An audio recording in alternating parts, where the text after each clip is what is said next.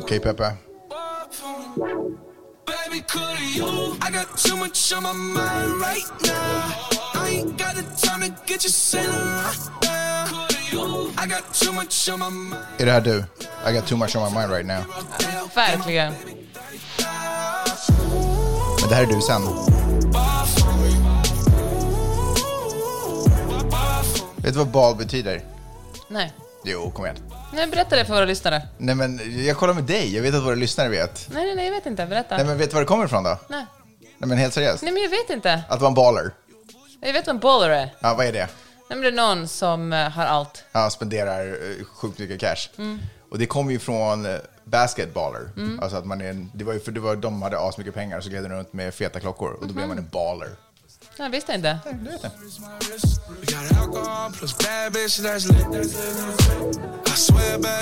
Ja, the bad bitches har vi då rakt inte här, det kan jag, det kan jag svära Det på. finns bara en good bitch här. Det finns är bara jag. en, en good bitch här.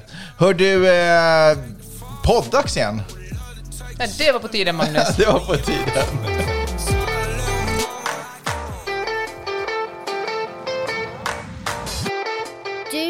Lyssna på Magnus och Peppes podcast.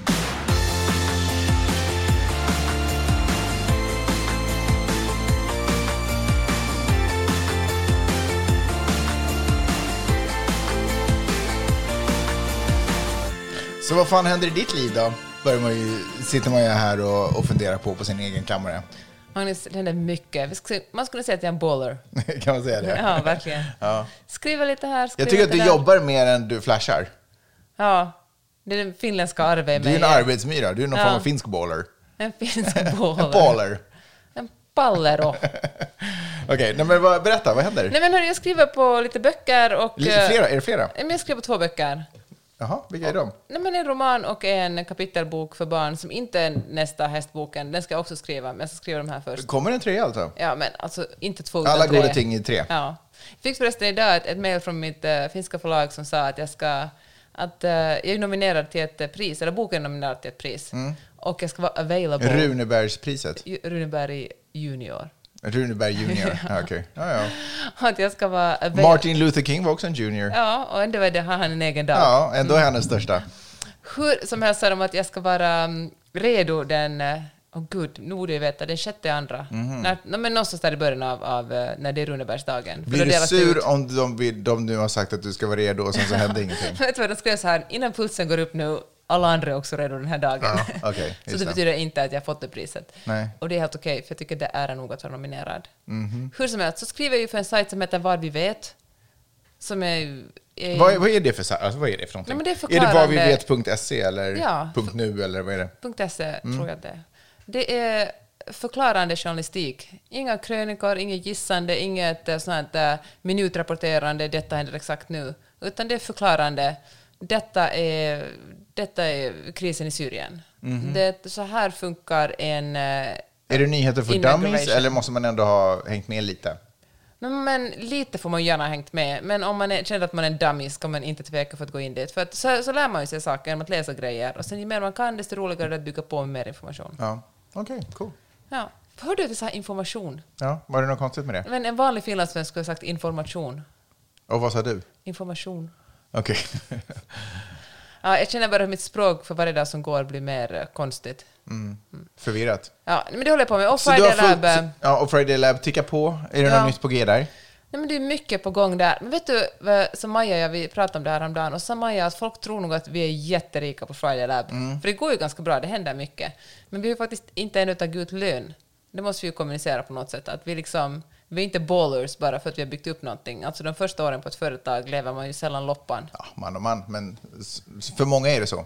Vem då till exempel? Men jag undrar var de där regel, reglerna kommer ifrån. Att det, känns alltid, det ska alltid läggas fram som att man har jobbat så himla hårt och man har suttit på sin kammare och sina nätter och, och, sen, och sen äntligen efter alla dessa år så kan vi nu börja ta ut lite lön. Men vilket verkligen företag tar man ut jättemycket lön från dag ett? Det är ju en dröm om det är så. Jag skulle gärna skryta om det. Ja, men din egen firma till exempel har du ju varit tvungen att ta ut lön från dag ett, eller? Fast det är väl en lite annan sak än ett aktiebolag som man bygger upp en. Mm, Ja, ja, okej, ja, ja, okej. Men det, det känns som att den där historien har man ju hört förut, men det kanske är så. Jag, Men- jag har ingen erfarenhet av att bygga bolag. Nej. Så, så fine. Fine. Hur är du själv då, Magnus Silvenius Öhman? Hör du, ett- livet tickar på. Eh, Det känns eh, som att eh, januari sakta men säkert, eller förlåt, det här nya året sakta men säkert börjar liksom komma igång. Det har varit, det har varit ett ide väldigt mycket runt omkring. Och det har varit frustrerande för mig, för att jag lever inte, för min, för min Alltså, jag är inte beroende av säsong, vad heter det, årstider, veckodagar, dygn, tid på dygnet. Så för Du mig, står ovanför allt det här. Nej, jag är inte ovanför allt det där. Det är bara det att min verksamhet är inte beroende, eller den, den tickar inte efter sommarlov till exempel, eller du vet, eller helger eller något sånt. Den, den kör på hela tiden, dygnet runt. Så för mig är det frustrerande att folk, Sover. att folk håller på och sträcker på sig nu och liksom ja, lite kommer ut och kollar ut, drar vinklat persiennen och kollar, ska vi börja det här nya året? Nej, fan, vi tar det nästa måndag. Den känslan känner jag. Det kanske inte är så, men så, så känns Och det du för mig. liksom, du småjoggar runt dem och sådär. Och Kom är igen, sådär, kom ja, igen! Men jag försöker ändå hålla mig, för ingen eh, tycker ju om någon som sex på morgonen håller på och plingar på dörren. Bara pling plong, pling plong, pling plong, pling plong. Så här, vill ni komma ut och jogga med mig? Så att eh, jag försöker hålla mig cool. När folk är sådär, är det okej om vi hörs nästa vecka? Jag bara, ja, det är superlugnt. Inom mig bara, no! Så. Mm, jag fattar. Så känner jag. Jag känner att jag vill komma igång. Det är mycket som har lovats mig, tycker jag. Alltså, livet har lovat mig mycket för det här året. Eh, det finns... Eh, Livet har lovat dig Ja, mycket. lite så kan jag känna att det är. Och eh, jag känner att jag är redo. Nu är det dags att casha in. Liksom. Jag är redo. Jag har spottat i nävarna. Jag står här, jag har knäskydd på. Nu kör vi. Alltså du och jag, vi är så annorlunda. Jag önskar verkligen att jag var lite mer som du. Hur då? Nej, men du är så otroligt mycket snack. Att jag är mycket snack? Vad menar du? Vad menar du? Men jag har ju ändå ganska mycket grejer på gång. Men du bara... Alltså jag säger inte att du inte har grejer på gång. Mm. Men ditt snack liksom ligger ju i, på samma nivå som grejerna du har på gång. Om inte att liksom... Ja, men det är bra. Ja. Men jag är inte heller, alltså jag är inte intresserad av att bygga upp någonting för fram, så att jag kan ta ut lön 2025. Alltså jag vill, jag vill ha in pengarna på mitt konto nu. Hur liksom. går det då? Nej men eh, det går väl sådär, därför att folk håller på och sträcker på sig just nu. Men eh, vakna upp nu, Nej, låt men- oss få skita ja, hända. Kanske jag borde vara mer som du, men jag tror också att männen kanske har större Men vadå mer som jag? rörelsefrihet. Nej, bara sådär, fan vad bra, alla vill läsa mina böcker, alla vill läsa mina texter, jag får så mycket kärlek härifrån och därifrån. Du går ju omkring och säger det varje Lab. dag. Ja, men bara dig, jag skulle aldrig säga det offentligt. Nej okej, men du är ju sån. Fast bara för mig. Ja, men någon måste väl få ventilera med. Jo, jo, jo, absolut. Men vad, på vilket sätt gjorde du, för du skulle precis ge dig in i, en, i ett cirkelresonemang kring att det här är en mansgrej. Ja, men kvinnor kan ju verkligen inte hålla på och skryta och liksom prata mer än vad de levererar. Kvinnor, kvinnor måste alltid leverera mer än de pratar. Det är skillnaden mellan kvinnor och män, bland annat. Mm. Men vad menar du att jag inte levererar? Nej, jag menar bara du har haft en... Du har liksom... Alltså, du har ju inte joggat genom december, om vi säger så. Jag har inte joggat. Nej, ja, nej. Men alltså, december blev ju också startskottet för mig på en ny approach på min egen firma. Eh, där jag egentligen försöker hitta ett sätt att kunna ehm, gå djupare in i mina klienters liksom, innehåll, behov. Liksom så. F- försöka ge dem mer av mig, om jag ska vara helt ärlig. Mera mange. Mera, mera mange. Nej men alltså det är svårt. Alltså, det, för det, men, fast det är ju inte egentligen det jag står och stampar på stället för nu. Egentligen handlar inte ens det om min egen firma. Min firma tuggar på. Det är, inga, det är inte det som är knaset. Men eh, där så är det, där så försöker jag bara hitta ett nytt sätt att göra saker och ting på. Och det är faktiskt, det är ändå, det är lite läskigt och det är lite svårt. Eh, och jag tror att därför skulle jag också vilja ha de här andra grejerna, att de börjar ticka på, för då blir det lite skön distraktion för mig. Fattar. Då, be, då kan, behöver inte jag bara sitta och tänka på hur läskigt det här är som jag håller på att göra. Eh, just nu. Whatever man. Men det är ju ändå spännande. Det är kul, det är ett nytt år, vi får tänka lite på våra företag. Alltså det är väldigt mycket karriär. Jag känner att jag inte har så mycket personliga saker som tynger mig just nu. Jag är ganska stabil, familjelivet till synes ganska stabilt. Vadå till synes? Nej, men man vet ju aldrig vad du går egentligen och puttrar på. Och jag, jag, har, jag har ett förtroende för att mitt, ja, men min hälsa, jag känner mig stark. Liksom, jag har fått tillbaka lite solbränna i ansiktet, det känns nice. Eh, försöker borsta tänderna. Okej, nu känner jag när du börjar om tänder är det här introt för långt. Ska vi dra igång på den? Okej, Okej, då kör vi! Woohoo!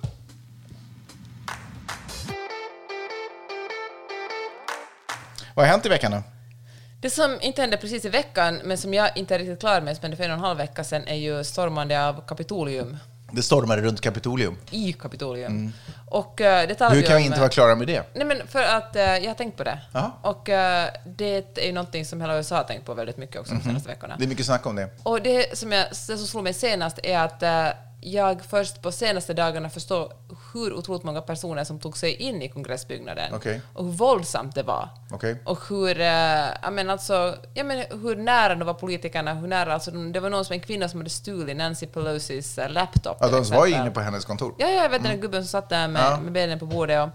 Och, och, eh, men alltså, jag vet inte, alltså det, det, jag det var så chockerande för mig. Att det, jag tror det tagit mig faktiskt liksom nästan två veckor att verkligen smälta det som egentligen hände. Mm. Och också hur otroligt aggressiva de var. Jag kommer att tänka på det när vi sa det här mera Mange, hur de höll på och skrek så här att stop the steal. Ja, för de skrek inte mer än Mange.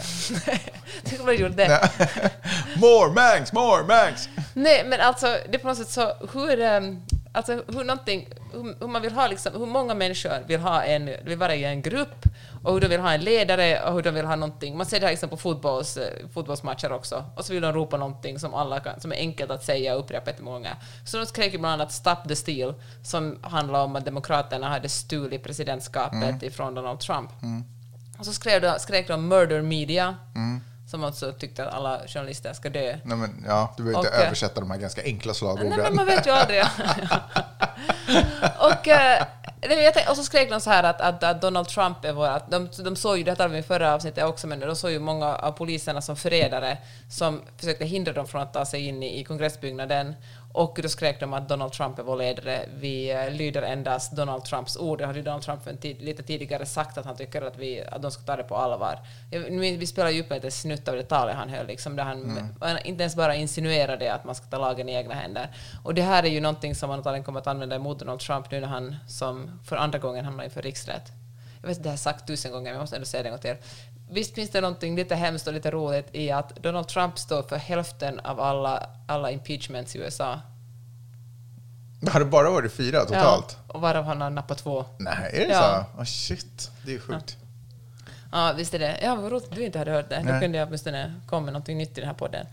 Ja, men, eh, ja, men i alla fall det som hände i kongressbyggnaden kommer ju att, att väga ganska tungt emot Donald Trump när han eh, efter den 19 februari började sätta igång med när, när senaten är tillbaka och sätter igång med riksrätten.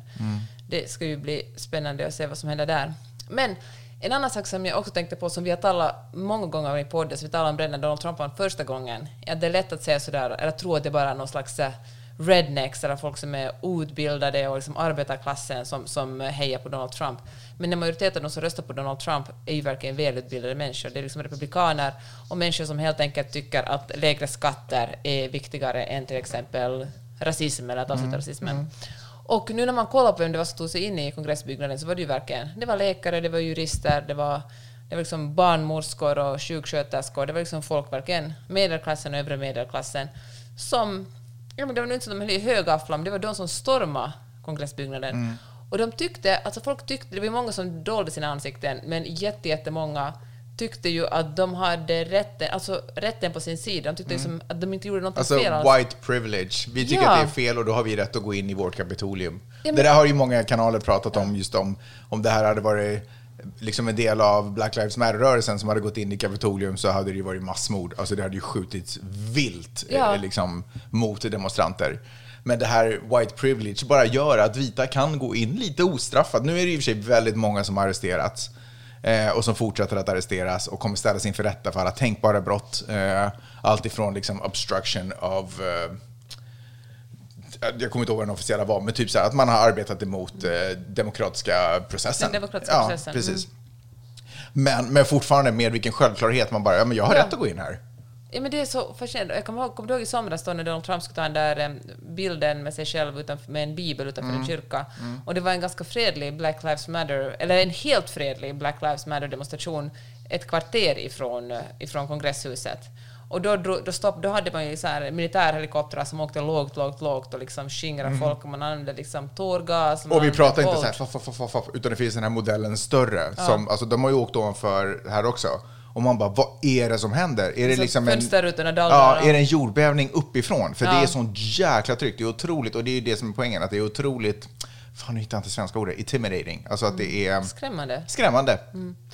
Men i, i julas när vi var i Sverige läste jag en bok som heter Den amerikanska epidemin som handlar om opo- opioidkrisen i USA. Opioid. Opioid. Men den är jättebra. Jonas Kullberg heter han som har skrivit den. Jag kan verkligen varmt rekommendera den. Den handlar om liksom hur eh, utbrett användningen av opioider är och hur liksom en släkt har jätte- jättemycket pengar på att, eh, på att göra, liksom, få, få ut liksom jätteberoende framkallande smärtmedicin ut i det amerikanska folket. Och eftersom försäkringsbolag hellre inte är så sugna på att betala på för en lång sjukledighet så har folk som eh, måste jobba fysiskt, eller till exempel, till exempel köra bil och sitta länge om man har haft en ryggskada, så är det mycket smidigare för försäkringsbolagen bolagen att de här människorna äter smärtstillande än att de ligger hemma och får betalt för det.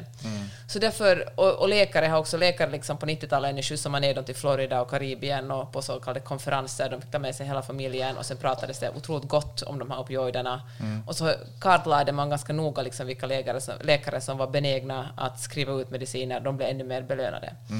Men en sån här, eftersom det finns en sån här, vad heter bias på svenska, en fördom, men det finns heller ingen jättebra ord för bias. Men Partisk. partiskhet, eftersom det finns en sån här liksom en eh, omedveten pa- partiskhet, eller mer eller mindre medveten, också hos läkare, så skrev, har man inte skrivit ut sådana opioider till eh, svarta, för man utgår från att svarta har större benägenhet att bli missbrukare och svälja vidare de här drogerna. Så därför är de opioiderna en, en, en vit drog som folk blir jättesnabbt beroende av och sen finansierar de sitt beroende genom att sälja droger. Och det blir en ond cirkel. Vänta, jag kommer, jag kommer, jag kommer, jag kommer dit. Och, eh, och då tänker jag att hur, eh, hur det finns liksom, i- alla områden i USA finns det liksom en sån här uppfattning om att vita människor begår inte brott. Alltså, man kan, man kan säga vita människor kan göra vad som helst, säga vad som helst, komma vilka hot som helst och liksom ha benägenhet att göra vad som helst, men man utgår från att, att vita människor det är reko och hederliga människor. Medan svarta människor är personer som har en benägenhet att vara våldsamma och begå brott och liksom är opålitliga. Mm. Och det kan man ju undra, att hur är det möjligt? Hur kommer det sig att det är så? Och är det verkligen på det sättet? Men vi ska inte glömma att det var så sent som 60-talet, alltså det är inte, det är inte tusen generationer bakåt eller hundra generationer bakåt som svarta liksom fick rättigheter, som, eller åtminstone på pappret, fick de rättigheter som vita har i samhället, som blev jämbördiga medborgare i samhället.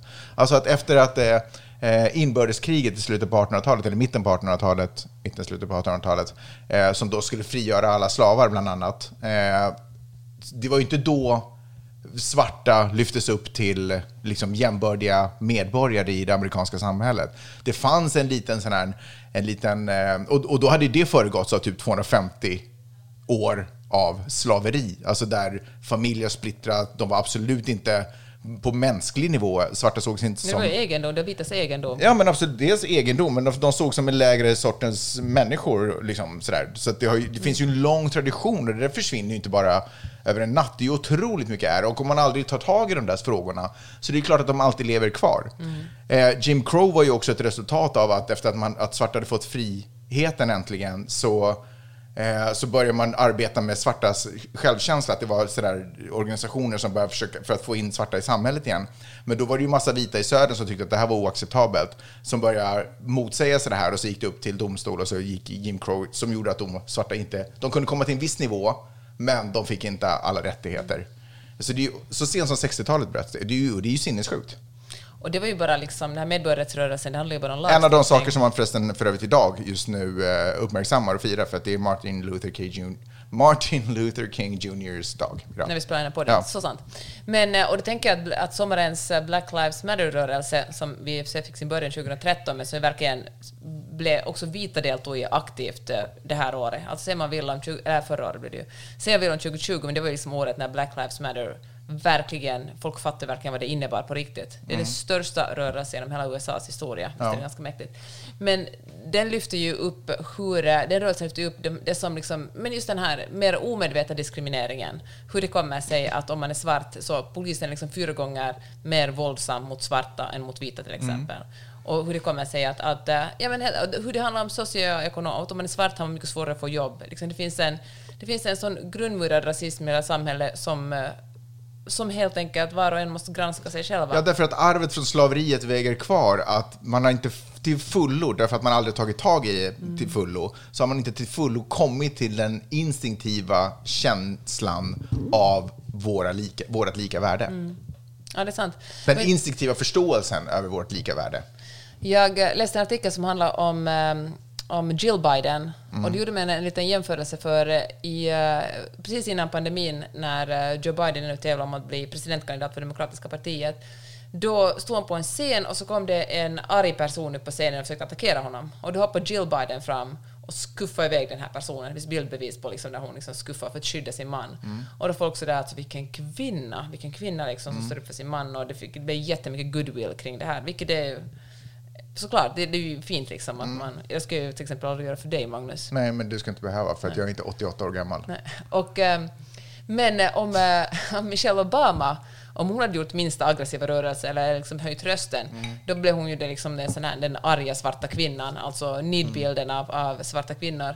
Som det sagt har all orsak i hela världen att vara arga. De är liksom om möjligt ännu mer diskriminerade. Inte bara att de är svarta, de är som svarta och kvinnor, så liksom ännu lägre ner i, i, i liksom den här amerikanska hierarkin om, kring människovärde.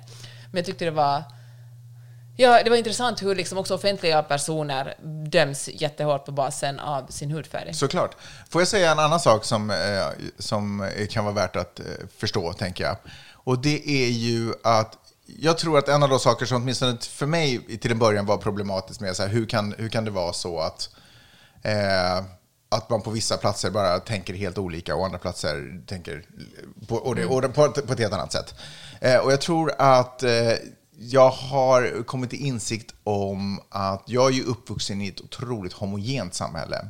Vi är på det stora ganska lika och, och om vi, även fast jag inte tittar på nyheter så kan jag gå ut på gatan och ganska snabbt se effekter av nyheter eller, eller, eller det som pågår i samhället och ganska snabbt anpassa mig för att jag kan titta på mina medmänniskor för att vi beter, alla beter sig ganska lika. Alltså vi är ganska sammanformade. Gud, ja. det, det är väldigt få i det svenska samhället som tycker till exempel att vi ska inte ha några skatter alls eller vi ska, alla ska betala för sin egen sjukvård. Alltså vi har ganska, det finns en grund. Sen kan, Mm. Ja, men ungefär, men sen kan alltså- det differentiera lite för, hur företag ska beskattas i förhållande Mm. till, ska det finnas maxgräns och bla bla bla. Men någonstans så tror jag att det är väldigt få människor som inte tycker att de grundläggande Eh, samhällsfunktioner som vi har i samhället, att de ska avskaffas. Eller var och en ska stå för det själv till exempel. Men USA, men USA som land är inte homogent. Det finns otroligt, alltså det är så otroligt differentierat. Du kan inte nödvändigtvis gå ut på gatan och se vad det är som händer i samhället.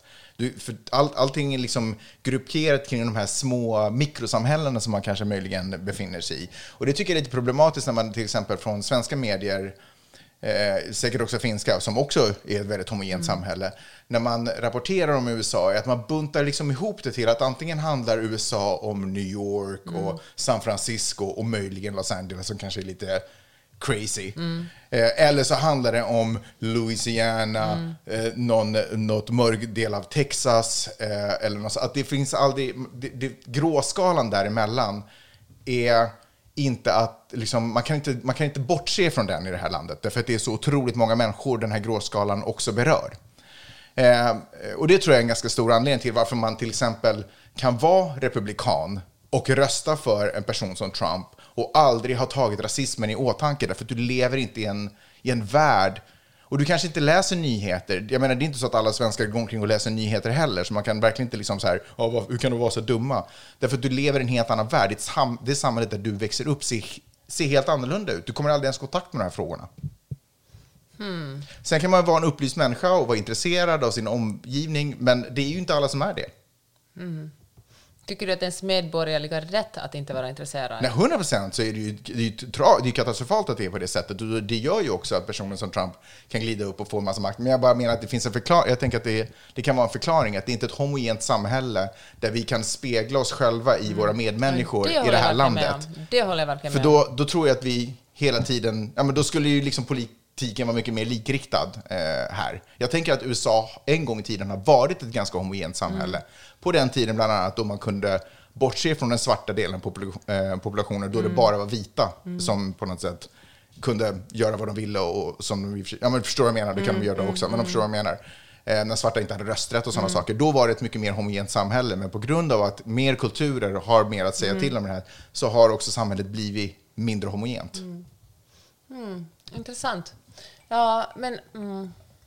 Fast det där med att gå ut på gatan och se hur världen fungerar, det måste vi alla ihop och släppa. Alltså, för så fungerar inte världen.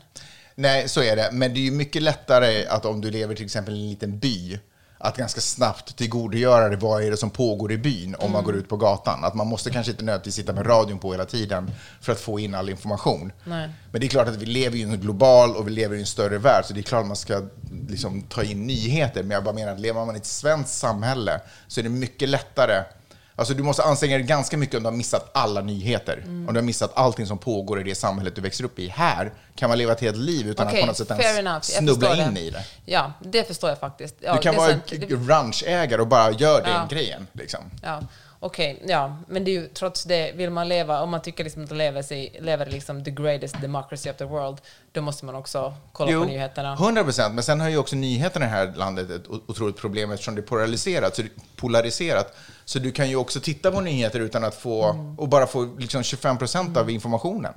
Informationsflödet som finns tillgängligt. Fair enough. Ja, Också problematiskt. Ja, jag ska inte bråka Och det händer ju inte i. Sverige heller. Nej. Nej, det gör det inte. Fast det som ju är ett allt växande problem är att folk är sådana analfabeter på hur media fun- fungerar och hur journalistik fungerar, att eh, man inte tar till sig, alltså man struntar helt i, i traditionella medier och, och söker sin information från liksom Koko, alltså Dora på YouTube. Höll på att säga Cocobello. Ja. Men jag vill inte använda ordet Nej, jag förstår. förstår, förstår. Nej, men eh, jag tänker att det är bara... Jag tror att det är svårt att liksom få, ett, få en uppfattning om hur enormt det här... Det, alltså, likheten är ju sådär... Jag menar, om Europa hade varit en nation, så bara, hur kan folk i Italien bete sig på det där sättet när folk i Sverige beter sig på det där Mm. Ja, ja, sättet? jag Därför att det. vi är olika folk, typ. Liksom. Men samtidigt, det som, eh, alltså det som händer nu med liksom aggressiviteten gentemot eh, medier och, eh, och liksom folk som inte tror på demokratin, som verkligen tror att så många republikaner, läste jag för, en för några veckor sedan var det 80 procent, men nu är det drygt 70 procent som, inte- som verkligen tror att demokraterna stal. Alltså, Kan vi ändå bara lite ta de här statistiken mellan tummen och pekfingret? De har inte...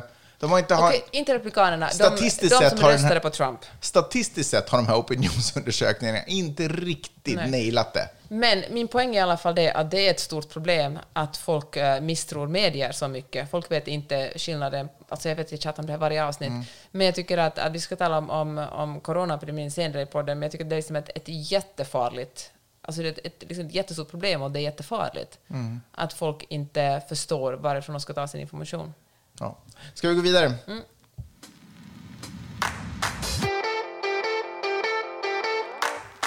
Jag vill ändå säga en sak om Jill Biden. Oh my god. Hon, verkar, hon är ju lärare Mhm. och under hela sin tid som, vice, som eh, vicepresidenthustru fortsätter hon jobba som high school teacher. Alltså. Och, eh, men jag läste en... Där, därför får hon också respekt, därför hon, hon har inte ett eh, tungt makt... Eh, till, till skillnad från Hillary Clinton som blev trakasserad för att hon ändå hade ett maktyrke. Eh, där hon var jurist och, liksom, eh, och så, och högt positionerad. Mm. ja, det är verkligen sant. Ja, Men hon är lärare, så du vet, hon har Det är gulligt och ofarligt. Ja, hon har, om hon hade varit sjuksyrra så hade det varit typ samma Gud, sak. henne. Vilken fantastisk Ja, jag har inte människa. tänkt på det, du har faktiskt helt rätt i det. Att lärare är verkligen ett, ett viktigt men ofarligt yrke. Ja, hade hon varit pilot så hade det säkert låtit annorlunda. Ja, om hon hade fortsatt jobba som tri- stridspilot. ja. Men eh, och- och hon ska fortsätta jobba under den här, alltså under, också nu som presidenthustru. Mhm. Men jag läste att hon är också en, eh, hon är en skojare. Är hon en skojare? Och Ja. vad glad du såg ut när du fick höra. Är hon typ George Clooney-skojare? Ja, Ja. men alltså, fast inte bisexuell. Men en... eh, men så här, det är så en bild när hon hade... När hon, eh, Som är det största skämtet mot mänskligheten. Nej, det är verkligen... Det är ha, ha, ja, det är verkligen haha, alltså på vår bekostnad som heterosexuella. The joke's on us. Verkligen. On oss. Men, nej, men hon hade gömt sig, liksom, hon hade gått in på, vad det nu är, om man åker inte Air Force One kanske som, som vice utan Air Force 2 eller vad man nu tar för plan. Man vad pratar du om? Hur som helst hade hon gömt sig i bagageluckan där ovanför sitsen, liksom sätena. Mhm. Och sen när första typen kom för att sätta upp sin väska så var hon boo! Det är roligt. Det är väl ändå roligt. Det får man ändå gilla och då måste hon ändå varit så här, vad kunde hon varit, 50 års ålder? Det låter som att hon var en, en liten dam Ja, alltså, som ändå får plats i, i där Och jag, jag är också lite chockad över att Air Force One har liksom handbagage, eller sådär bagageluckor Jag där uppe. bilden, den var väldigt... Det det gjorde mig på gott humör när jag Det hade den. de inte på privatjeten när jag klev in, så jag är väldigt chockad. Ja, du har åkt privatjet. Ja, nej, men det var för ett tag sedan. Men vi kan Oh prata God, mer om Varför har du vi inte sagt någonting om kan det prata mer om det i något annat avsnitt. den senaste timmen? Det var roligt. Får jag ändå säga att de, när vi ändå pratar om skojeri och Mm. George Clooney kom på tal, får jag säga ett av de roligaste tricks som jag har hört att han har gjort. Mm. Har du hört den här? Du har berättat den hundra gånger, men kanske inte våra Är det poddlyssnare. med huset? Ja.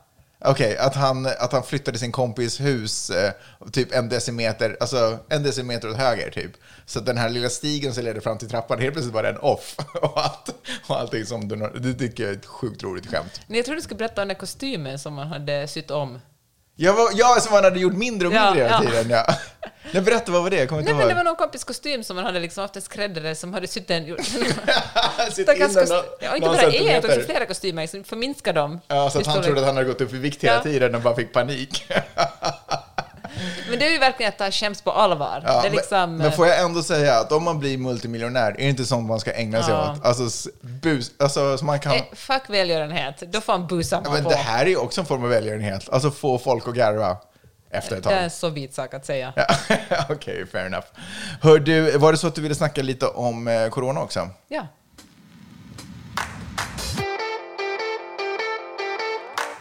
Vad tror du vi kommer prata om eh, nästa år? Alltså, Vad ska vi snacka om ingenting. corona? Nej, just det, det var ju förra... Ska vi tala om presidenten? Nej, just, nej, just det. Det har inte hänt någonting speciellt Den än, podden just det. kommer dö. Vad sa du? Den här podden kommer dö nästa Ja, år. kanske, kanske, kanske. Man kan ju bara hoppas. Eh, hör du, berätta om corona. Nej, men... Nej, jag hoppas inte det. Jag skojade bara. Jag vill inte att det ska bli de sista orden. Eh, berätta, vad är nytt om corona? Vad har du snappat Nej, men upp? man har ju börjat vaccinera folk här i, eh, i Los Angeles, eller Tell me USA. more! Och uh, Dodger Stadium öppnades i fredag. Mm. Fem, nej, 12 000 personer om dagen ska bli vaccinerade. Men eh, det finns fortfarande ett ganska... Mm. Det är ju inte den enda stadion som har gjort sig tillgänglig för massvaccination. Nej, nej, men absolut. Disneyland är tydligen också tillgängligt. Inte stadion, men En ja. form av magic. En form av magic. Men det som oroar mig är att... eh, Musse Pigg står där. Ja, välkommen. Men, välkommen fram! Men och det, alltså, det gör en ju på gott humör. Alltså. Och, och Fauci sa att, att, eh, att han tror på Joe Bidens eh, plan att, att 100 miljoner ska vara vaccinerade under de 100 första dagarna i USA. Massvaccination Gröna Lunds spökhuset. Fy fan vad obehagligt. Aj! I alla fall så oroade mig att det finns så många vaccinmotståndare. Vi träffade några kompisar häromdagen och så började vi snacka om eh, folk vi känner som inte tror på vaccin och kom fram till en, en lista. Och det tycker jag är så otroligt obehagligt, för man tänker ju att, att vaccin, vaccinationsmotståndare, det är liksom dårar som åker omkring och liksom, ja men som tror på spöken och inget fel om, jag säger inte att det nödvändigtvis hänger ihop, men du vet, det är som folk som inte tror på vetenskapen. Och det, men, men tillsammans... Fast man tror tillräckligt mycket på vetenskap för att gå på den så att säga vetenskapen som kommer fram till att vaccin är dåligt. Ja, men just det. Och det är ju väldigt konstigt. Att man, ja, man tror på en sorts vetenskap, Mm. men man har liksom inget intresse av att ifrågasätta den, för man har liksom en åsikt och sen letar man fram vetenskap som stödjer den åsikten. Man tror på den vetenskapen som rimmar med ens egen logik. Eh, Och det är rimligt eftersom ens egen logik borde vara måttstocken på allting oupptäckt och sånt som man, och alla problem som man kan lösa. Ja, jag hängde inte riktigt med där, men jag tycker det är väldigt oroande. och det som också är oroande, det här är inte bara USA utan också Sverige, att, att så många sjukvårdare vägrar vaccinera sig. Mhm. Det är de som får stå först i kön, men inte vill göra det. Men kan det här vara, det, tror du att det kan vara Darwin som spelar, spelar spelet här nu? Nej, men vet du, det värsta är ju inte det. Alltså, de här människorna är kanske unga och friska, liksom. får de en släng av covid, Mm. fine. Men, de, men det värsta är att de här människorna kan ju smitta andra människor. Och det är därför man vaccinerar Nej, men de tror sig. väl ändå på covid? Så att om de blir sjuka så håller de väl sig ändå hemma? Ja, men det finns ju sådana som inte tror på det heller. Fine, men de Men, måste okej, väl det ändå finns vara... olika grader av dumhet, ska Men jag så. menar att, så att om de inte tar vaccin, det är ju mest deras egen Russian roulette som de spelar med. Sant, men man är ju liksom smitta, så smittsammast tydligen två dagar före man får liksom symptom och två Mm. dagar efter att man har fått sina första symptom. Så det finns.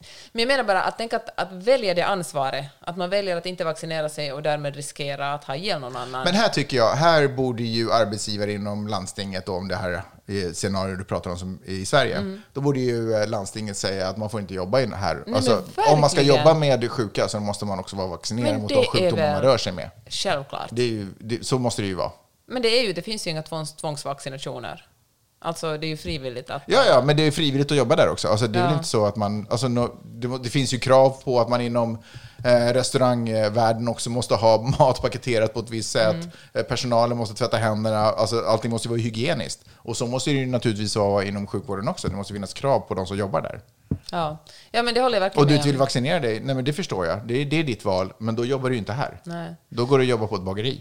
Ett annat problem är ju faktiskt också det att det inte finns tillräckligt mycket personal för att dela ut, eller folk att, att eh, ge de här vaccinationerna. Alltså en stor del av sjuk, liksom nästan alla som jobbar i sjukvården jobbar ju med att ta hand om folk som är sjuka i covid. Och det finns ingen kvar som kan ge de här sprutorna, så de håller på att fundera på vem som... eh, Ska man ha liksom folk som studerat att bli sjuksköterskor? Vad, liksom, vad finns det? Och speciellt i USA är man alltid rädd för att bli dragen inför rätta. Tänk om någonting går fel, någon liksom skadar sig under det här. Hur ska man... Hur ska man få folk att dela ut sprutor? Men vet du, jag har inget problem med att folk är vaccinmotståndare. Har för du jag, inte nej, för jag tänker att det ändå bara drabbar dem själva. Nej, men det kan ju drabba andra människor. Tänk om du har liksom en sjukdom som gör att du inte kan ta ett vaccin. Eller, jag menar... Mm. Jo, jag, jag, förs- men jag förstår. du får ett vaccin jag sen- förstår. Men nu, det är inte jättemånga sådana just nu som cirkulerar. Det är typ covid. Mm. Det är inte hemskt många andra sådana sjukdomar som är som är ute som, kan, som på riktigt kan skada andra Mm. människor om du inte har vaccin för det. Du löper ju bara själv risk att få, Mm. vad fan det nu kan vara, inte fan vet jag, mässlingen, inte vet jag vad det kan vara liksom. Och det är lite on you. Alltså, ta den då i så fall. Kanske du klarar dig, kanske du inte klarar dig. Kanske ditt barn får polio, kanske det inte får polio, whatever. Det Men ditt- ens barn då? Man har ju ändå ansvar för att Ja, ens men, det barn där, ska... man, har, men man har också en skyldighet. Eh, man har en skyldighet gentemot sina barn och det är upp till en själv att lite bestämma vad som är rätt. Jag, jag kan inte riktigt... Jag tycker att det där är fan... Det där, det där tar Darwin hand om. Det där, Vet du vad? Men jag tycker att det kanske som provocerar mig allra mest är att det inte bara vaccinerna, men det, det grundar sig i det som jag alltid kommer tillbaka till, okunskapen om hur vetenskap fungerar och hur journalistik fungerar. Att man bara att man vägrar tro på någonting. Man, alltså, konspirationsteorin handlar ju om att det är som alla alla medicin, big, det, allt heter ju så big tech, big pharma, big eh, media i USA när man är rädd för någonting. Och då tänker man att liksom big eh, att, att, eh, att de här medicinbolagen, läkemedelsbolagen är, är korrupta och de får massa pengar av någon, till exempel, vem, vem, alltså någon... Gud. Någon dude antagligen. Alltså, och eh, som vill att eh, kontrollera, kontrollera människor, att det finns mikrochip. Alltså det finns eh, otroligt galna historier, men det finns liksom aldrig... Ja, ibland de... Alltså, hmm, så här. Att man tror på en konspirationsteori, man tror på någon random person på YouTube istället för att tro på någonting som kommer från en bekräftad källa. Och jag tänker att om, om man lever i en värld där det här är sannolikt, och jag kan förstå den där, det finns någon slags, jag läste en artikel om en kvinna som har tagit sig ur en, en Qanon, tror jag det var hon var, och hon sa att, att känslan när hon var inne i den här, det är med en sekt, eller inne i konspirationsteorisekten, var så mäktig, för hon kände att hon, alla andra var sheeps, liksom, alla andra var får som, som sprang åt samma håll, och hon satt på information som eh, väldigt få andra hade. Hon visste mer och den, liksom, den överlägsna känslan gjorde att hon vill liksom inte släppa den känslan. Tänk så förnedrande att ha... Alltså, jag tror att man håller, många håller fast vid de här teorierna också för att det skulle vara så förnedrande och besvikelsen och tron på sig själv skulle vara så jobbig om man skulle ha fel. Så man liksom tillåter sig aldrig att tvivla ens. Men jag tänker också att det är så otroligt farligt. Alltså ju, Ja, men jag tänker också att det mest är farligt för dem själva. Men tänk på den konspirationsteorin, alltså de människorna som, som, eh, som stormar eh, kongresshuset till Men det har jag svårt att se att skulle ske igen. Där blev ju folk lite... Jag tror, alltså så här är det, vi, vi samhället lär ju också oss att leva allt eftersom samhället utvecklas. Det här är en del av ett nytt samhälle som vi går in i. Vi kan liksom inte blocka det, vi kan inte förbjuda det, vi kan inte bota de här människorna. Så vi måste lära oss att leva med det faktum att de kommer vara så här. Och det betyder att säkerhet kommer ökas, det kommer liksom... Vi, under tiden så får man göra andra åtgärder. Men jag tänker att de här människorna skadar huvudsakligen bara sig själva. Fast gör de Efter det? att vi har fått kontroll på att de inte kan storma Kapitolium igen eller göra några andra galna saker så skadar de egentligen bara sig själva. Fast ska man gå omkring... Alltså jag, jag, har, jag har liksom ingen... Jag tänker att allt, i grund och botten kommer allt ner till utbildning. Folk måste Mm. få tillgång till bättre utbildning. Ja, men om folk vägrar ta emot en utbildning för att de inte heller tror på den. Alltså, du kan inte... Le- alltså, så här, jag tror i längden, du kanske kommer klara det, dina barn kanske, men snart så kommer det liksom ha urholkat så mycket så du kommer liksom inte riktigt fungera i det här samhället, för samhället drar vidare. Alltså om du är Om konspirationsteoretiker. du är konspirationsteoretiker. Man liksom, det, jag tror att det här giftet kommer ebba ut av sig själv. Tror du? Du tror inte det kommer att eskalera? Nej, därför att, för att mäns, alltså, ja, det här är inte första gången. Det som är skillnaden nu, tänker jag, är ju att den, möjlig, den spridningen som den har tillgång till alla, det är ju också en form av virus för mig, nästan på något sätt. Eh, och har, den har ju en otrolig spridning förstås. Men det är inte, så, det är inte första gången som konspirationsteorier har liksom fått Eh, har spridits i samhället så har det ju säkert varit, det fanns ju säkert tusen förklaringar på hur man skulle bota pesten på ditten och datten tills vetenskap på något sätt kom fram till hur man kan göra för att det ska vara bäst för alla, hålla avstånd. Att du vet, genom mänsklighetens historia menar jag bara. Så jag tänker att, att jag, det finns, jag tror på den mänskliga kraften att upp, vilja upplysas och komma vidare. Jag tänker att det är också en avart av att vilja upplysas. De har bara halkat fel i, i utbildningen, eller var man, var, man hittar de här, var man hittar den korrekta informationen. Jag tror att det finns, det finns ju en vilja att, att, eh, att följa vetenskapen som ändå har gett oss alltihopa som vi avnjuter. Att vi sitter och pratar här är ju, ett, är ju en konsekvens av vetenskap. Liksom. Att vi har elektricitet och allting är ju en konsekvens av vetenskap. Så jag tror, att, jag tror bara att vetenskapen kommer hela tiden guida oss åt det rätta hållet. Det kommer finnas korrupta vetenskapsmän också, men den, på det stora hela, med tillräckligt mycket tid, så kommer det här lösa sig. Så löser det sig. De ebbar av, de dör Nej, ut. jag tror alltid på att det sker organiskt. Jag tror verkligen Ja. att man behöver... Jag tror att man behöver göra någonting. Jo, men jag tror att vi alla gör någonting. Jag tror att det sker organiskt därför att den stora massan ändå rör sig åt ett bra... Åt rätt håll. Åt rätt håll. Jag, tror vi, jag tycker att vi be- behöver någon slags PR-kampanj. Alltså, jag tror en, alltså med, Nej, men man kan inte, men- man men- kan inte argue med stupid. Nej, det behöver man inte göra. Inte en förklarare. Nu ska jag göra så här. För det, vet, det har vi ju sett med liksom klimatkrisen till Mm. exempel. Vi förklarar det här är ohållbart. Det är ohållbart att vi konsumerar som vi gör. Det är ohållbart att flyga så här mycket. Det är ohållbart att äta kött. Men folk fortsätter ändå göra det. Mm. Så jag tror att vi måste hitta på ett annat sätt att kommunicera det. På någon slags, ha liksom en, en någon slags eh, PR, alltså men ha en PR-strateg, liksom förklara för folk, göra det liksom logiskt för folk hur de ska leva, göra det ologiskt och framför allt okult att leva på ett visst sätt. Ja, Och jag, tänker, jag vet inte. Nej, men tänk så här, jag tog en kurs om det här på, på USC som handlade liksom om att hur man ville, det här är ju rent kommersiellt syfte, men jag tyckte det var jätteintressant, hur man ville sälja större hus i USA. Och Mm. jag fattar, allt var enklare på den här tiden. Det var 40 och 50-talet. Efter kriget, folk började ha tagits ur kriget, man började ha liksom pengar igen. Och då gjorde man reklam för att varje hus, varje liksom hederlig medelklassfamilj skulle ha ett rum med en flygel. Alltså, en, ett, piano, alltså ett stort piano, en flygel, ett musikrum. Och, eh, och så gjorde man gjorde liksom en, en enorm kampanj, gick över hela landet, och det gjorde att folk ville köpa hus med ett musikrum, alltså kunde man sälja större hus. Och jag tänker att, att eh, det låter ju helt vansinnigt i våra öron, men på den tiden var det liksom en självklarhet. Och jag tänker att många saker som vi gör idag gör vi det för att vi är på något sätt inlärda att göra det. Och då tänker jag att man måste på något sätt styra om folk och förstå att eh, riktig vetenskap är coolt. Fast det här vill jag, jag tror att det här är en ganska stor skillnad. Vetenskap är inte intresserad av trender.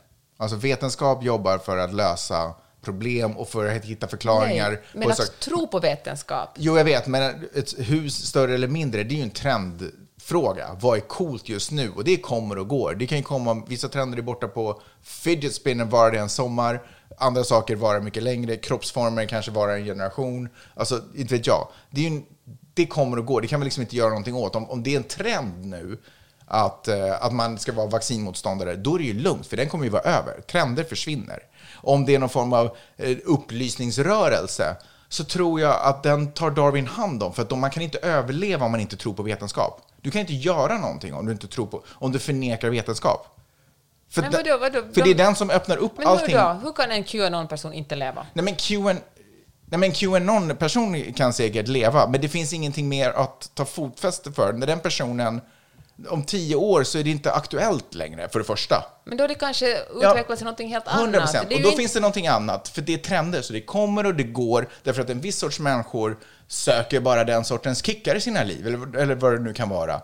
Alltså, jag håller ju 100% med dig om att om vi också på något sätt, om USA till exempel skulle få en reform där skola blir gratis och tillgänglig och undervisning blir tillgänglig för alla, det är klart att det kommer ske, ha en enorm positiv verkan på det här samhället. Men det kommer ändå inte ta bort en liten grupp människor som tycker sig vara smartare än alla andra och, och söker på helt underliga ställen efter, efter logiska lösningar. Om folk, inte bestäm, om folk är av den tron att man kan inte gå till sjukhus för att operera sig för ditten och datten, då kommer det lösa sig för dem på ett eller annat sätt de kommer inte finnas längre. Fast, ja, Därför man kan inte menar. leva utan vetenskap. Men jag säger inte, nej det förstår jag också, men de här människorna kommer, det finns ju ändå folk som stormar Kapitolium. Jo, men det gör de inte många gånger till. Nej, men alltså ska vi säga så här, nej, kanske... Fool me once. Lite så.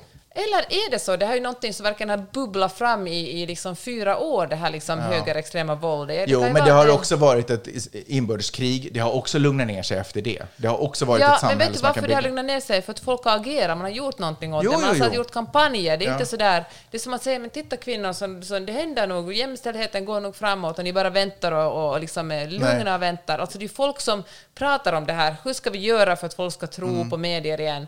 Hur ska vi lyfta fram att demokrati är viktigt, hur demokrati funkar? Hur Men jag, tror, ja, jag hör vad du säger, men jag tror att den rörelsen vi måste ha är fokus på var vi är på väg och vart vi vill uppnå och försöka få folk med oss på det tåget istället för att foka på galna människor som inte har näring runt omkring där de bor och som kommer dö av sig Alltså deras... Men det är just det som jag sa, det var, liksom, det var inte dårar som bor ute liksom i skogen, utan det var folk i samhällen. Det var folk åkte PJ man till eh, också- Washington för Jag att vet, storma absolut. kongresshuset. Absolut, Jag säger absolut. inte att man är smart bara för att man åker, men liksom det finns... eh, Det var liksom Nej, läkare, har det var liksom bortsett- jurister, det var poliser som också 100 stormade. procent, om man är helt bortsett från, bortsett från den vetenskapen som ens gjort det möjligt för dem att flyga dit. 100 procent, jag fattar det. Men det, man kan, man kan, man, alltså att man har en hög utbildning är ju ingen garanti för att man har kopplat ihop allting rätt. Man kan ju liksom Nej, men blunda, menar, stirra ner i böcker men jag, och göra jag det menar man bara att det här är ett större problem, tror jag, än vad du ser det som. Du ser det som en liten minoritet som, som tror fel, som inte tror på demokrati eller som, tror liksom, som inte tror på att, att de valobservatörer ob- observatörer som sa att allt gick helt Mm. rätt till, inte tror på dem, som inte tror på media. Fast alla de som stormade Kapitolium var inte Qanon eller, Nej. eller vetenskapsmotståndare. Nej. De var ju, 90 procent av dem var ju uppfyllda av ett white privilege. De hade ju gått Och ett på- hat och Ja, ett men- misstroende mot den Precis. demokratiska processen. Ja. Och det är ju ett jättestort problem. Exakt. Och helt ärligt, om jag trodde att det hade begåtts något valfusk, om jag känner att mina politiker håller på för mig, bak, det är klart att jag också skulle bli upprörd. Jag kanske inte skulle storma regeringsbyggnaden, men revolutioner är har ju också lett till goda saker. Eh, har ju ändå gett förutsättningar för saker vi lever. Nu råkade de bara vara vilseledda. Förstår du vad jag menar? Men jag tänker att den vilseledningen är Deras just det som är problemet. Jo, men deras... eh, Precis, men, men det... Ja, alltså... Ja, ja. kommer kanske ingenstans i den här diskussionen. Men, eh, men jag tycker det är obehagligt. Jag tycker verkligen inte att det är någonting som vi Nej, bara men kan att folk vänta går på ut. lögner kan vi inte vaccinera oss emot. Nej, men du måste fundera på hur vi kan göra så folk slutar tro på lögner. Ja, och jag tänker att det jobbet som, som Donald Trump har gjort under fyra år, där han liksom helt, hans, hans ord har ju aldrig haft någon som helst konsekvenser. Nej. Han har ju sagt vad som Nej. helst, retweetat vad som helst, och, liksom, och när någon har försökt komma på honom och ifrågasatt det så har han sagt att jag skojar bara, jag menar det här, jag menar det där. Ja. Alltså, det är ju erodera förtroende för demokratin och för politiker enormt mycket. Och det kräver ett arbete. Vi kan bara liksom inte fortsätta på som vanligt. Jag tror att det måste finnas en strategi hur man ska kunna, för nu låter jag som Joe Biden, verkligen ena det här folket på något sätt. Försöka, och det enda sättet, jag tycker inte att ena det är att man säger så här, allt är glömt, allt är förlåtet, nu bara går vi vidare. Utan man måste verkligen få en diskussion, hur, varför, alltså så här gick det, vad kan vi göra för att eh, det inte ska fortsätta åt det här hållet? Så, så är det. Jag, jag, ser, jag har bara svårt att se var... Alltså, tiden tog också hand om... Eh, eller alltså, förstås människors uppoffringar, men det tog också hand om eh, Nazityskland och, och det är liksom saker ting... Det var inte tiden som Nej, tog hand om Nazityskland, människors- ursäkta nu. såklart Det var människors- inte tiden som tog hand om slaveriet, det var för att folk sa stopp och belägg, nu fan måste vi ändra på det här. Mm. Jo, men det var inte så jag menade. Det, en av de där som stormade, det det, hade en t-shirt där det stod uh, Camp Auschwitz på sin skjorta. Jag När vet, Nancy vet. Pelosi höll tal häromdagen så Och så på grät, ryggen står det staff. alltså fy fan vad vidrigt. Ja, nej men alltså absolut, 100%. Då kan man inte vara sådär, men låt honom springa nu, han menar säkert inga illa. Nej, det, det är klart att man ska stå emot eh, och när man hör orättvisor, när man hör galna människor prata så ska man säga vad man tycker och tänker. Det, den, det är en del av den rörelsen jag pratar om, man kan röra sig framåt nog, visserligen. Eh, men det, det är inte... Det är många saker som vi tog upp här nu. Vi tog upp vaccinmotståndare, vi tog upp folk som inte tror på covid, vi, tog upp folk som stormar Kapitolium. Alla de här är inte nödvändigtvis samma person. Det, är inte, liksom, det, det, det kan också vara olika saker. Jag ser en lösning på folk som inte tror på vaccin. Jag ser en helt annan lösning på folk som kanske är...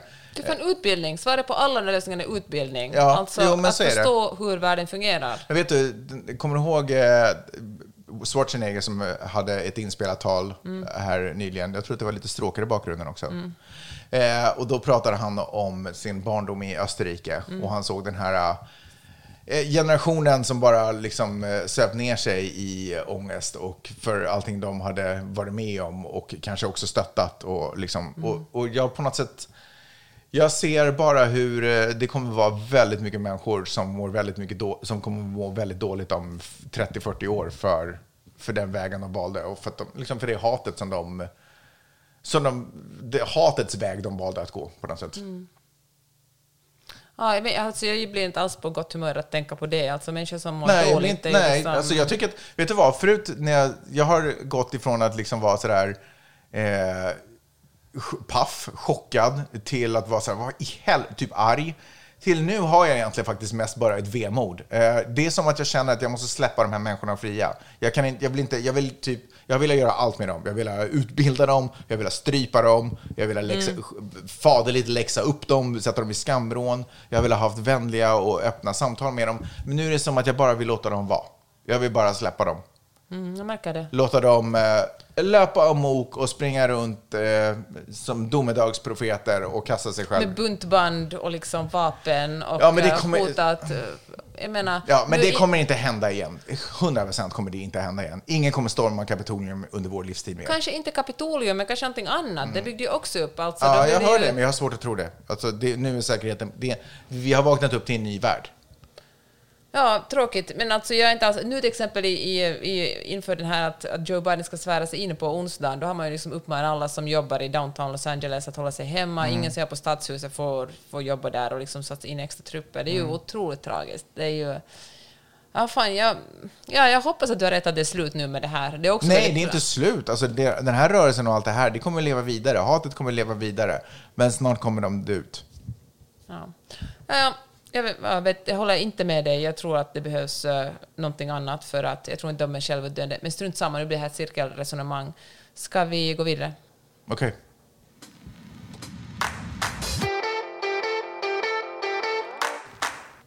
Hörde du om eh, de här eh, kvinnorna som catfishar republikanska st- anstormare på Bumble? Ja, du berättar lite, men dra det igen. Ja. Nej, men alltså, tydligen så kan man på vissa så här datingappar sätta in om man är demokrat eller republikan. Och i det här landet så kan det verkligen vara en dealbreaker, så därför är det viktigt att man börjar med att säga partitillhörighet, speciellt de senaste åren. Och då är det kvinnor som har ändrat sin partitillhörighet från demokrat till republikan och liksom insinuerar att de tycker att det var bra det som hände med den här anstormningen av kongresshuset. Och eh, fått tag på män som, eller börjat, fått liksom kontakt med män som verkligen var med där och uh, tagit deras uppgifter, fiskat så mycket information de kan om dem med bild och allt och sen skickat allt det här till FBI. Så det är på något sätt en liten gräsrotsrörelse för att, uh, jag menar att alla ska stå till svars för vad de gjorde. Tydligen lär förresten också busshållplatserna i hela eh, Washington DC som annars har reklam på sig lär vara, ha liksom bilder på människor de letar efter. Som man har fått bilder från människor som, liksom, eller män som, och visserligen vissa kvinnor också som stormar, som man försöker leta efter dem. Det är liksom en, en, en stor manhunt på gång just nu i USA. Och alla, eller många av oss drar sitt strå till stacken. Eh, hur drar du ditt strå till stacken? Inte alls, men jag talar Är gärna på om det i dating, podden. är du på dating Nej, nej, nej, nej. nej. appar? Eh, den, eh, den naivitet och den eh, på något sätt dumhet inför den kriminella handling som de utförde när de gick in i Kapitolium, alltså tycker jag visar också på att det handlade om människor uppfyllda av sin egen rättighet och sin egen, eh, att man inte, att, så här, untouchable, alltså verkligen så här, essensen av white privilege. Mm.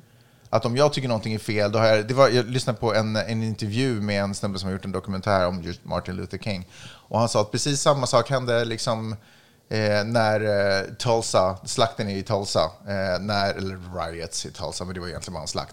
Eh, det var, alltså när vita känner att de har, sådär, någonting händer som stör dem, som liksom gnager, då, bara, då bränner det till och så går de in och så bara ska de förstöra och så förstör de alltihopa och bara marschar in. Han var sådär att det här är liksom, när han tittar på det, så förstås blev han arg, men han var sådär, så här är, har det varit för svarta hela tiden. Alltså så här är det. Nu har bara demokratiska sidan få, se, får en liten glimt av hur det är när vita, arga män liksom flippar. Att annars så har vi alla gått och varit vita, så det har liksom Ja, inte för det har berört vi oss. inte behövt bry oss om det. Nej, exakt. Men han var sådär, det här är, det här är liksom, det här är så un-American var han sådär, nej, det här är USA. Så här är USA. Jag hörde en intressant kritik för att, eh, om, kring det man talar om polariseringen, och det talar mycket också i svenska medier om, att hur polariserat USA är, hur landet måste ena och hur, hur Joe Biden var så här eh, att det här är inte vi, vi är, vi är inte här USA. Men det här är ju verkligen USA. Det här är precis så här är, alltså USA är vita arga män som tar precis vad de vill ha och eh, skiter i vem som offras på vägen dit. Ja. Och, eh, och jag har tänkt mycket på det, för, det här, för, för jag tänkte, först höll jag med honom och tänkte att men det är väl sant att, att man måste göra, man måste föra ihop människor nu, den här polariseringen kan inte fortgå. Men, eh, men det är ju faktiskt som du sa, det är som att leva med men leva med en, en man som är våldsam. Man tänker att vi bara, "Åh, vi bara är snälla och vi gör rätt sak och inte provocerar på något sätt och försöker liksom inte, inte, att vi bara ignorerar och hoppas att allt blir bra, då blir det bra. Men tvärtom så matar man ju nästan den, den ilskan. Och, och det är kanske inte ilskan, men det är privilegier, utan då, blir liksom, då tar den personen ännu större plats och tar Ja. sig ännu större friheter. Så jag tror faktiskt inte att det handlar om att man ska ena och vi ska alla kramas i någon kumbaya. Jag tycker liksom att det ska vara viktigt att alla verkligen får stå till svars för det de har gjort. Att liksom inte vara sådär att, att bygons, nu går vi vidare. Utan fan, det behövs en ordentlig debriefing på vad som hände under de fyra åren och eh, hur folk reagerar. Alla de som nu ser upp sig och säger nu, ah, det här nu, alltså nu, nu gick Trump för långt. Fan, det var för sent. Liksom. Nu stick alltså. Ted Cruz som tror jag hoppades länge på att kunna ställa upp i presidentvalet om fyra år, att åtminstone kanske ställa upp som vicepresident. Fan, han, eh, den lilla ormen, han får verkligen, han får dra nu säger jag. Eh, han påpekade också att den här lynchstämningen som liksom var då, att det är också sådär, det är ganska, alltså, som man sa, liksom under 1900-talet, så det var en del av, det var en norm. Det var inte så här, åh, någon har blivit lynchad. Det var liksom, det var vad som hände på svarta befolkningen då förstås. Och att det liksom, och nu, springer, nu är det andra som ska lynchas. För det är samma grupp Fast män. också svarta. Vad sa du? Fast också svarta Som, lynchas. Som, som lynchas Ja. också? Ja, precis, absolut. Det är ju inte så att jag gått Nej, nej, men precis. Men den här gruppen ja. som är där inne så bara kill that person, hang, hang, Ja. that, hang my pants, eh, kill her, shoot them with their own... Mm. Alltså den här lynchmentaliteten, det är samma människor, det är bara andra kroppar. Mm. Det är liksom, det är samma, det här, eh, jag har fått nog, jag har blivit... Nu, Någon nu, försöker tugga lite på mina Ja. privilegier. Fan, Ja. då reagerar jag. Och den här eh, explosiva, liksom, eh, våldsamma hatgrejen Mm. som, som de alltid anklagar andra sidan för, Mm. men som egentligen de själva som, till huvudsakligen, som, som de huvudsakligen står för.